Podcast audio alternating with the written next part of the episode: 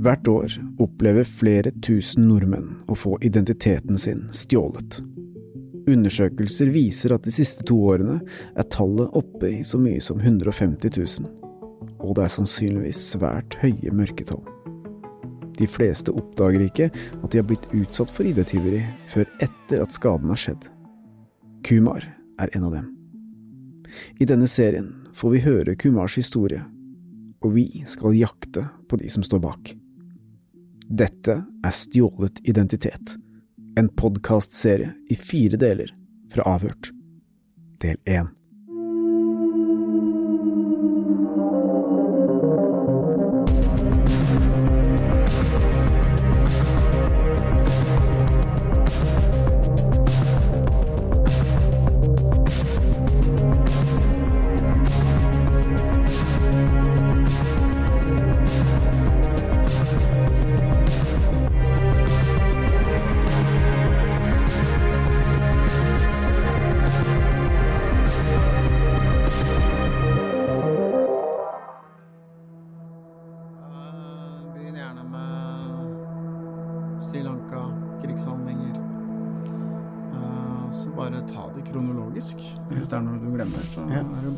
Si by the way, men det glemte jeg. Sant? Ja. Mm. Så eh, intro sånn, det kan vi ta seint. Mm.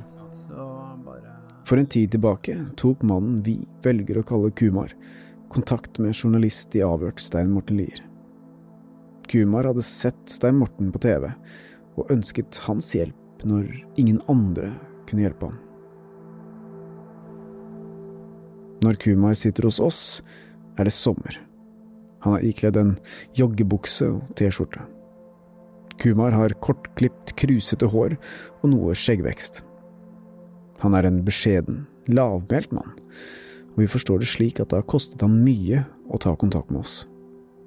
Han er for tiden bosatt på Vestlandet, men har haiket for å komme inn og møte oss i Oslo. Før vi får vite mer om hvordan Kumar har havnet i den situasjonen han er nå, er vi nødt til å forstå litt mer om hvor han kommer fra. Jeg er opprinnelig fra Sri Lanka, og der er, det er ikke lett å leve der i den tida. Du aner ikke når eh, Når blir du skutt, eller blir du hentet av eh, militæret. ja, For hvilken tidsperiode snakker vi om nå? Nå snakker vi om eh, Kumar ble født på slutten av 80-tallet i Sri Lanka. Under oppveksten hans var Sri Lanka rammet av borgerkrig, en etnisk konflikt mellom den singalesiske majoriteten og den tamilske minoriteten. De beryktede tamiltigrene har i lang tid kjempet for et eget hjemland for tamilene. Men det var den singalesiske regjeringen som til slutt gikk seirende ut av konflikten i mai 2009. 90-tallet. Da var det mange krigshandlinger. mm. Mm. Og det Når det er en eh, bombefly kommer, så du vet ikke hvor de slipper de bommene. Ok, så som liten gutt så bodde du midt i et eh, krigsområde, og det kom fly stadig vekk og Ja, og de, slapp bomber. mm. Det de sier, at de tester utstyret, men de tester det mot sivile. Militære tester bomber på sivilbefolkningen. Mm. Så hører du at det flyet er i lufta, så prøver du å løpe for livet. Så faren valgte å få oss ut av landet. For heller levende en annen plass enn å bli skutt her, eller bli drept. Ok, så på et tidspunkt så bestemte faren din seg for at eh, barna skulle flykte. Ja, Rett og slett. Så jeg eh, havna i Norge i 1998 alene som flyktning. Hvor gammel var du da? 11-12. 11-12 år. Så Ja. kom du helt alene til Norge. Stemmer det. På starten det var ikke lett å fatte det. Det er stor kulturforskjell. Og jeg følte jeg var litt aleine.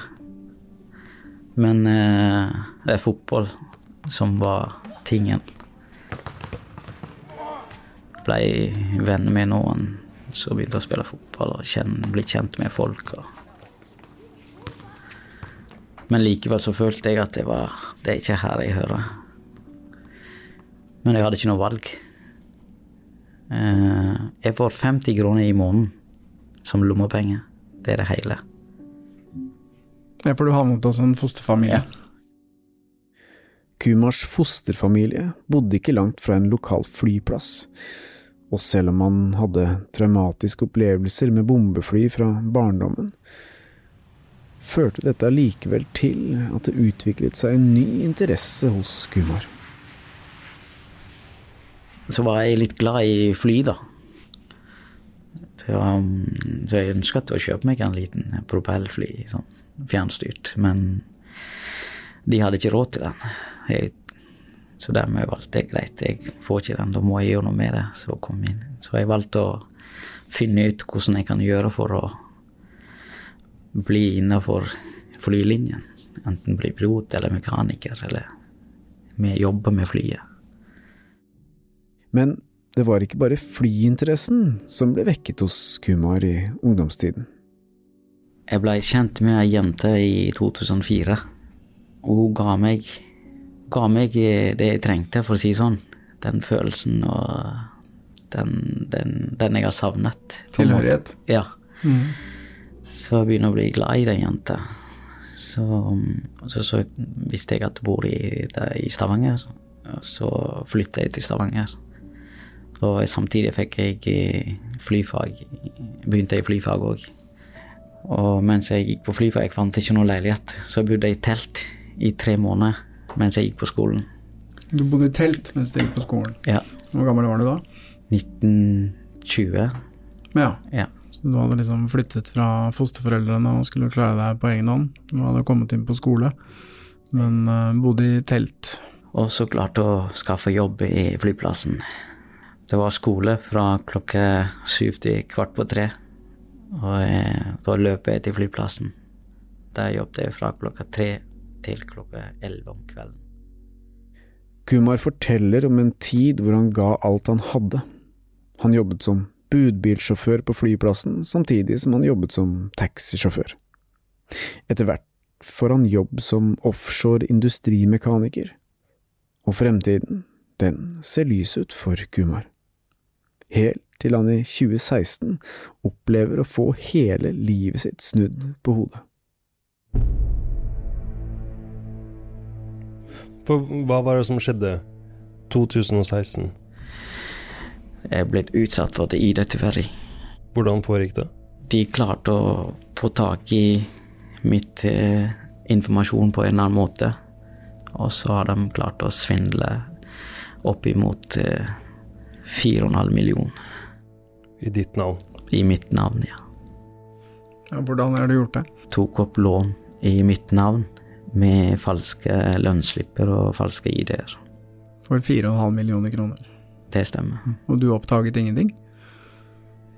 Ikke inntil politiet kontaktet meg. Når var det? Dette var starten av 2017. Kumar forteller at han ikke forstår noen ting av det som skjer. På dette tidspunktet hadde han ikke hatt noe behov for å ta opp noen nye lån, og han mener også at han ikke engang hadde noen betalingsevne til å kunne ta opp lån i banken. Da politiet tok kontakt med deg i begynnelsen av 2017, ja, så var det for å informere deg om at du hadde blitt svindlet, da, eller? Nei, da måtte jeg komme inn til avhør. For, for jeg har blitt siktet for grov bedrageri. Ok, så de trodde at det var du som hadde svindlet finansinstitusjonen for 4,5 millioner kroner? Det stemmer. Kan du fortelle om det avhøret? Uh, det var mye spørsmål. Jeg ikke ant hva som har skjedd, og hvordan de klarte det, og hva som foregikk. Og jeg var på avhør kanskje flere ganger, uh, gjentatte gang. Og da er det til slutt jeg fikk vite at det, det faktisk det er sant. De har svindla på navnet mitt med så og så mye beløp. Og der er, det er jeg som sitter igjen med alle gjelder. Når jeg kjøpte bolig, så fikk jeg klar beskjed av banken. Du ikke, klarer ikke betjene det huslånet. Da gjør vi sånn at du får 2,6 som huslån, 500 000 som fleksilån. Ok, Så de banken fant en løsning for deg sånn at du kunne kjøpe bolig? I 2012, ja. Mm. Og Men det var ikke noe rom for å låne noe mer? nei, Nei. Men likevel så, Så- ble det lånt 4,5 millioner kroner i ditt navn. med falske lønnsslipp og falske ideer. Ifølge Kumar er politiet overbevist om at det er han selv som har forfalsket disse dokumentene og tatt opp lån i sitt eget navn. I stedet for å etterforske om Kumars egen forklaring stemmer, skal de ha oppfordret ham til å oppsøke psykolog. Men i de avhørene med politiet, da, fikk du følelsen av at de trodde deg, eller øh, hvordan opplevde du det? Ikke i det hele tatt. De Etter flere avhør så sa de at eh, du trenger en å snakke med, en psykolog. Hva tenkte du da? Jeg var irritert. Det jeg ikke skjønner, eh, når jeg ikke klarer Det er ikke rom for å låne mer penger, hvordan de klarte det. Men politiet mente at du selv hadde forfalsket lønnsslipper? Det stemmer. Var det de mente? Ja. Ok. Det skulle være en rettssak. Så de tok ut en titt av? Ja, ja. De skulle altså få deg dømt for grovt bedrageri? Ja. Ok. Men så ble ikke noe av det. Så ble den saken henlagt? Hen, saken ble henlagt. Ok, vet du hvorfor? Det får ikke jeg svar på. Jeg prøver å finne det, men det er så bevist i stilling. Du fikk bare beskjed om at uh, saken var henlagt pga. bevisets stilling, så de, du slapp å møte i retten og tiltalt for grovt Ja, bedrageri. riktig. Og vi har ingenting med dette saken å gjøre. Dette er en mellom eh, for hver gang jeg finner noe nye informasjon angående dette der, og de kriminelle, jeg løper til politistasjonen. Jeg leverer fra meg alt der. Da får jeg beskjed om vi er ferdig med den saken, du trenger ikke å komme her. Gå til legen din, kontakte en psykolog, eller gå innlegge deg. Du trenger virkelig hjelp. Men selv om politiet valgte å henlegge saken, er Kumar fortsatt pålagt å betale tilbake den enorme gjelden som har bygget seg opp, og det blir opp til ham selv å etterforske sin egen sak. Etter det så fant jeg ut det var en som har gått og kjøpt en PC med navnet sitt, der han oppgitt navn og telefonnummer. Kredittselskapene som har rettet sine krav mot Kumar, har lagt frem sin dokumentasjon, som annet viser at det har blitt opprettet kredittkort i hans navn. På dette kredittkortet skal svindlerne ha kjøpt en dyr datamaskin og spist på flere halalrestauranter. Det skal også ha blitt kjøpt en bil i Kumars navn, i tillegg til at det er blitt opprettet en bankkonto hvor det var satt inn 1,2 millioner kroner. Men denne kontoen, den har ikke Kumar selv tilgang på, selv om den sto i hans navn. Tillegg den andre, der står de har gått og spist mye halal-restauranter. Og jeg har ingen grunn til å gå og spise i en halal-restaurant. Jeg er ikke muslim. Og det PC-kjøpet, det navnet de har oppgitt, det er òg en muslimsk navn. Men brukt dine kortopplysninger? Det stemmer. Og når jeg kontakter den personen, i og med at han har oppgitt telefonnummer og adresse i det kjøpet, han vil ikke innrømme det.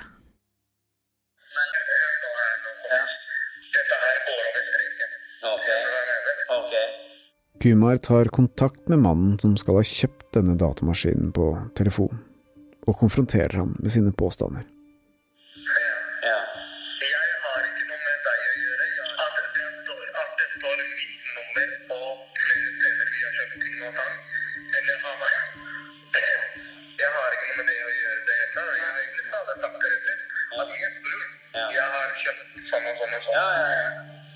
Det er litt vanskelig å høre hva mannen i andre enden sier, men kort fortalt kjenner han seg ikke igjen i Kumars anklager.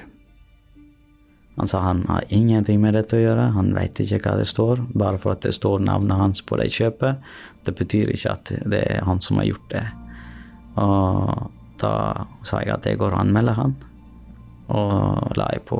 Og like etterpå mente han jeg har gått over streken. Hvis dette gjentar seg, så vil det ende en i feil retning.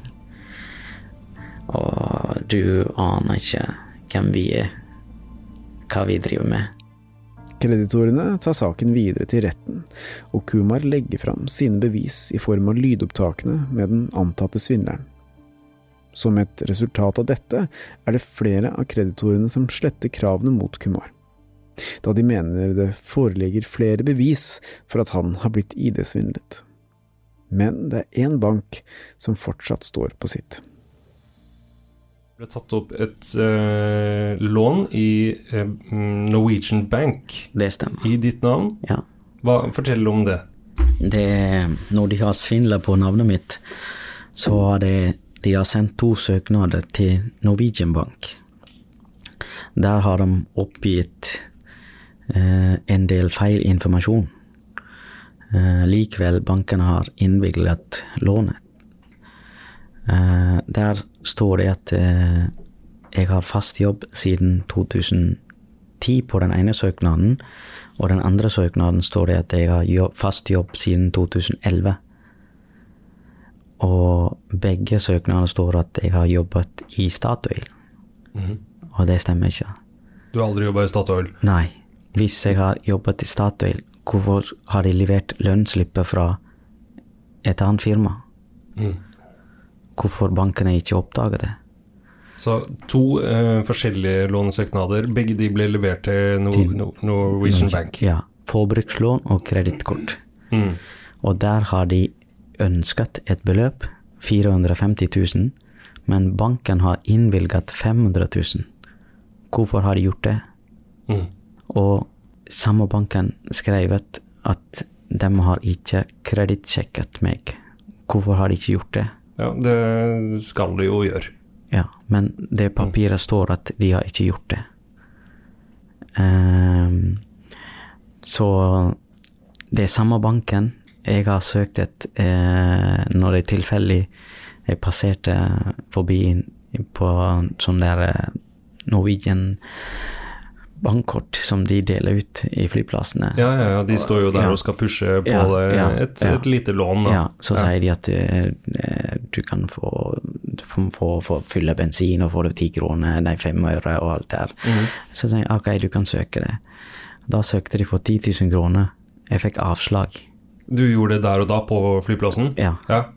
Og når de har det systemet, hvor, hvordan kan de innvilge eh, 500 000 og 50 000 tillegg?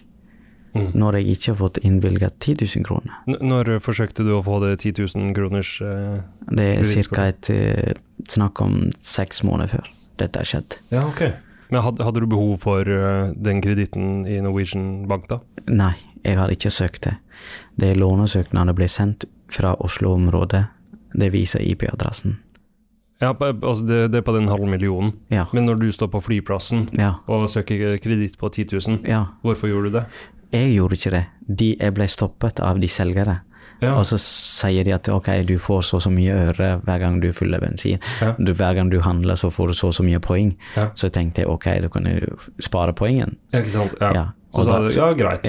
Og så gjorde de en sjekk, Da gjorde de en sjekk Og der da- og da på den iPaden, og da fikk de avslag. avslag. Så Ja. du, eh, Kumar, kan ikke få noe lån i Norwegian Bank.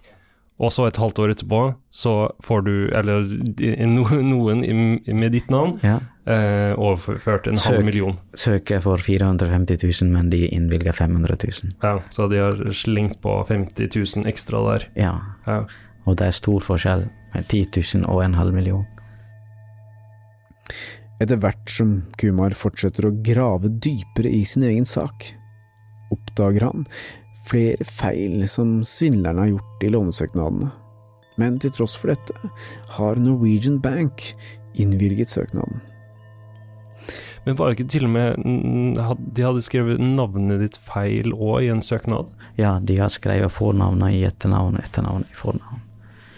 Også, Ja, de, de, i, i feil eh, rubrikk? ja. Ja. Så de hadde, når de skulle fylle ut, så, Ja. så kom det ditt eh, fornavn Ja. i etternavnboksen. ja. Ok, men likevel, Likevel. var det Bank Begge Norwegian Bank? innvilget det. Og begge søknadene ble sendt like etter hverandre, ser det ut som. Men det ene står det jeg har fast jobb fra 2010, andre står det fast jobb fra 2011. Ja. Men eh, hvordan, når man skal ta opp et sånt eh, eh, lån som det der, så må man jo verifisere at man er eh, kumar da, at du er den personen som, som skal få disse pengene. Hvordan har de gjort det, tror du? Jeg tror, jeg er sikker på at det er noen som sitter i banken òg med på dette der. Hvis ikke så er det mulig. Så du tror at de har hatt en på innsiden i Norwegian Bank som kan ha bistått? Mm. Fordi For- når, man, når man skal søke et lån, så må man i hvert fall i dag ha, bruke bank-ID og, og identifisere seg med det. Og, øh, og det har jo de òg gjort i de tilfellene her. Det må de ha gjort. Ja.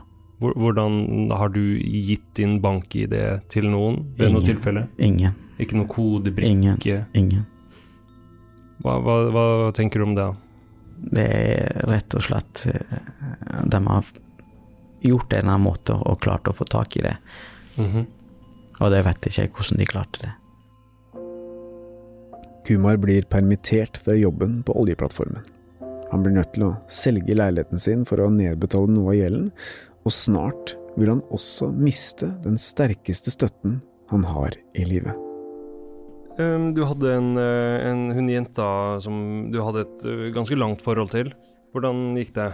Det gikk ikke så bra etter alt dette der. Eh, jeg var rett og slett eh, helt ned i kjelleren. Og jeg følte at jeg var midt i sjøen, og jeg prøvde å svømme, men jeg klarte ikke det. Jeg holder på å drukne. Og prøvde, å- hun prøvde virkelig få meg ut av dette der, og få meg Hun prøvde alt hun kunne, men eh, det var ikke Det hjalp lite. Jeg måtte sove. Jeg var Jeg klarer ikke Jeg visste ikke hvem var hva, på en måte. Hvem er vennen, hvem er fjenden? Jeg var livredd. Og da blokkerte jeg alle rundt meg. Så seilte videre. For du gikk inn i en depresjon du på grunn av, av det her. Stemmer det. Ja. Det ble angst og depresjon samtidig, så livet er snudd på hodet. Etter en oppvekst i krig har Kumar jobbet hardt i mange år for å skape seg et liv i Norge. Men nå er alt lagt i grus.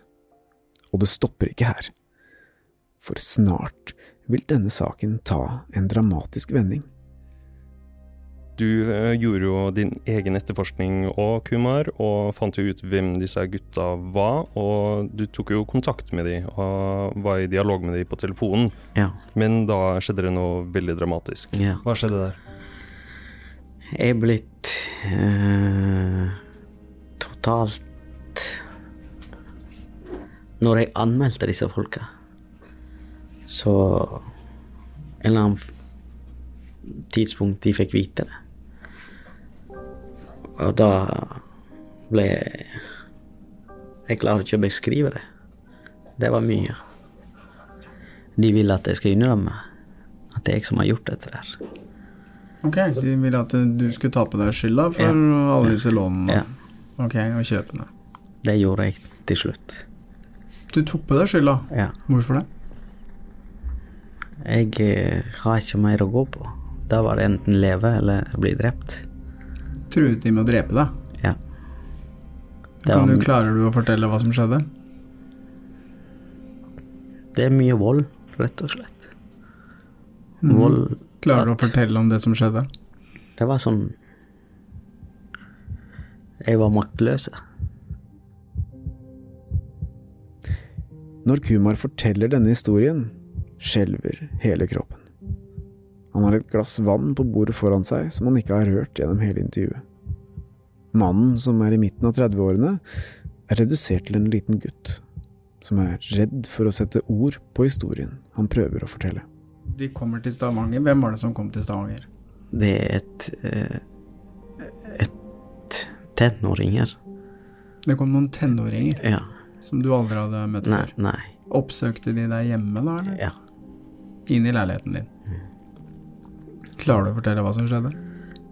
Nei, de sto og ventet i parkeringsplassen Mhm. til jeg kom. Og de kjente igjen meg, for jeg, jeg visste ikke hvem de er. Jeg trodde det var de sånn vanlige folk som sto der, eller noe. Da var det at ok Da begynte jeg å fatte hva de hadde med seg, og hvordan jeg er blitt behandlet, da. I, for å si litt kort. Og da var det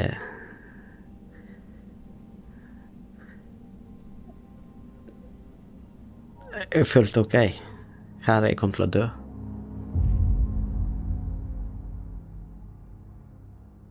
Ok, jeg skjønner at det er vanskelig for deg, men eh, jeg tror det er litt sånn viktig at vi forstår hva som skjedde. Men du kommer hjem, og det står noen og venter på deg på en parkeringsplass. Som du tror er helt vanlige folk. Og da snakker de til deg, da, eller? Ja. Hva sier de? Nei, de kom, kom og satte hånda på meg på skulderen og så sa ja, det er her du bor. Og så begynte å snakke. Og da var Og så Ja, kan ikke vi gå hjem til deg? Og så Da var jeg aleine. Jeg visste ikke hva skjer. Og ser bare at de kom bak meg, Hvor, hvor mange var det? det var rundt fem-seks stykker. Fem-seks stykker som tar tak i deg? Ja. Og de Og- begynte på å sette hånda på skulderen min. Ok. Og ønsker Så- å bli med opp i leiligheten? Om. Så da ble de med opp i leiligheten. Ja. Hva skjedde, le hva skjedde i leiligheten? De banker meg. De ga deg juling. Mm. Ble du alvorlig skadet? Ja. Ok, og det de ønsket å oppnå med det, var at du skulle ta på deg skylda Skyld. for all gjelda Alt som har skjedd. Du tror du er tamiltiger, eller? Vi åpner opp kjeften. Her er den. Og satte våpen i munnen min. Svang de opp munnen din og satte et våpen inn i munnen Ja, din? ja. At de skulle skyte deg i munnen hvis ikke du aksepterte det? Jeg har bare arv, men eh, Hvor eh, Kumar drar opp T-skjorten og viser ham et stygt arr han har på magen. Det er ca. tre centimeter bredt, og er sydd igjen på en tilsynelatende uprofesjonell måte. Så i tillegg så stakk de deg med en kniv rett under brystregionen på Mm. venstre side. mm. Men oppsøkte du noe sykehus? Nei, det har ikke jeg. Hva gjorde du med det såret da? Bare Nei, lappa det sammen selv? det sydd etterpå. ja, For du, vi ser jo at det er sydd. Ja, Mm. men det er ikke sånn Relativt dårlig sydd. Ja, det, Dette- ja. Du har sydd det selv. Nei, det er de. De sydde igjen såret ditt? Så først så stakk de deg med kniv, og så sydde de det etterpå? Det ser ut som et, hvordan de har sydd. Ja, det er tre sting der. Ja. Så de som knivstakk det, satte seg ned og sydde såret etterpå. Dette ja. Dette For at du ikke skulle gå til sykehuset? Ja. For da ville politiet bli kobla Mm, på? mm. Hvor lenge var det i leiligheten, da? Flere timer. Ja. Men det var kun det ene besøket den ene gangen. Ja, så det, det var godt nok, nok. Mer enn nok. Ok. Har du anmeldt dette til politiet, da? Det er henlagt. Men da de kom i leiligheten, og så fikk de det til å skrive et brev da til politiet, eller hvordan, hvordan tok du på deg skylda? Nei, jeg måtte gå og innrømme sjøl at det er jeg som har gjort det. Ja, men hvordan gjorde du det? Jeg kontaktet politiet. Du ringte politiet, og så Jeg ble avhørt. Så jeg sa det jeg som gjorde dette her. Så du fortalte til politiet at uh, det er jeg, Kumar, som hadde uh, Ja. svindla Norwegian Bank, da, for eksempel. Ikke bare Norwegian, Bank, men alle skylder. Alle vi andre. Du måtte ta på deg skylda for Mm. bilkjøp og PC-kjøp og, og alt sammen. Et, men du sa ikke et ord til politiet da om at du hadde blitt trua? Nei. Ok. Var det noen som helst vitner til dette? Ingen som bodde i samme Egentlig. blokka som så disse folka, så deg på vei opp i leiligheten? Ingen? Muligens, men jeg Men du har ikke sjekka det? Du har ikke snakka med naboene nei, Ingenting? Jeg var livredd det, det startet hele. Ikke lenge etter denne hendelsen tvinges Kumar til å selge leiligheten sin, og selv om han i en tid får bo på sofaen hos noen bekjente, ender han til slutt opp under en trapp på et parkeringshus. Her tilbringer han flere uker uten tak over hodet. På dette tidspunktet er han nær ved å gi opp. Det er ikke mer å miste. Det er ingen andre kan hjelpe deg. Det er bare du må hjelpe deg sjøl og prøve å ta livet av meg. Du ønsket å ta livet ditt. Ja. Men hva skjedde? Og da var det mye hjelp med en gang. Så legen ringte, og Nav ringte, og henviste, og så fikk jeg bolig igjen, og ja. Så prøv å finne meg igjen, da, som jeg ikke klarer det. Det ser ut som jeg eh, prøver å leite den, den tøffe, tøffe kumaren. Men eh, jeg ser den ikke. Han er langt ifra meg. Hver kan jeg gå bort til han og løpe fra meg. Han går bare lenger og lenger unna. Kumar har fortalt oss en sterk historie. Hvis man ser på statistikken, er sannheten den at hvem som helst kan bli svindlet. Og selv om det stadig opprettes bedre metoder for å forhindre, avsløre og oppklare svindel, er det flere tusen nordmenn som sitter i samme situasjon som Kumar, med en gjeld som det vil ta resten av livet å nedbetale. I Kumar sitt tilfelle kunne kampen om å bevise sin egen uskyld og jakten på hvem som sto bak, endt fatalt. Hvis man skal tro på alt han har fortalt. Men hva om dette ikke er hele sannheten? Jeg vil helst ikke bli innblandet i dette med Komar, fordi vi har ikke det beste forholdet, for å si det sånn. I de neste episodene tar vi opp jakten på svindelbanden, og vi kommer på sporet av hva som egentlig har skjedd. Altså, jeg, jeg, jeg, jeg, tror det, det, det er så komplisert at det beste hadde vært om man kunne heller ha møttes. For han har åpenbart blitt lurt. Ja.